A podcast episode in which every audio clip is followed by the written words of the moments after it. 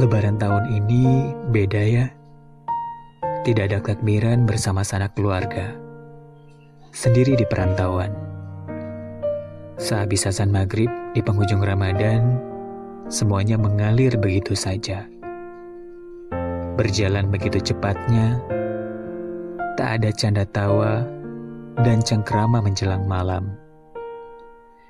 Hingga mata dan pikiran lelah, tapi masih saja rindu akan kehangatan bersama keluarga. Lebaran tahun ini beda ya.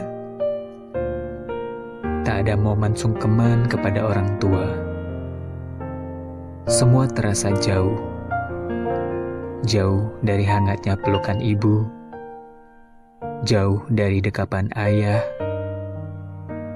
Jauh dari kesederhanaan yang terhidang di meja makan opor ayam, ketupat, dan kasih sayang. Lebaran tahun ini beda ya. Tidak ada kunjungan ke rumah keluarga. Tidak ada pertanyaan kapan. Ya, kapan? Entahlah, kali ini terasa berbeda. Karena tak perlu menyiapkan jawaban untuk pertanyaan apa pun. Lebaran tahun ini beda ya. Teman-teman tak lagi nyata di pelupuk pandangan. Semuanya maya.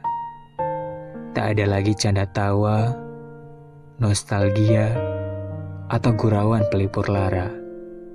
Semuanya hanya rindu.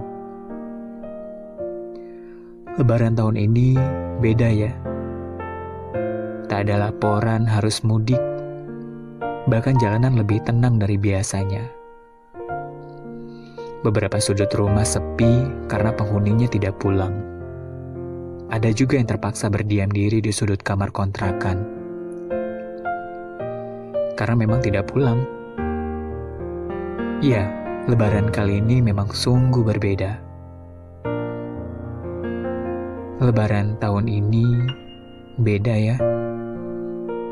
Kali ini tidak ada bunyi petasan yang bersautan atau tawa riang saat berkumpul bersama keluarga.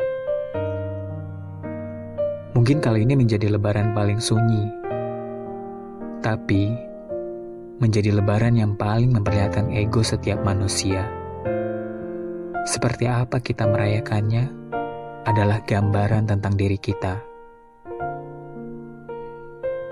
Selamat Lebaran, meskipun kali ini tidak ada peluk bukan berarti kita tak saling memaafkan. Selamat merayakan hari kemenangan dengan tenang.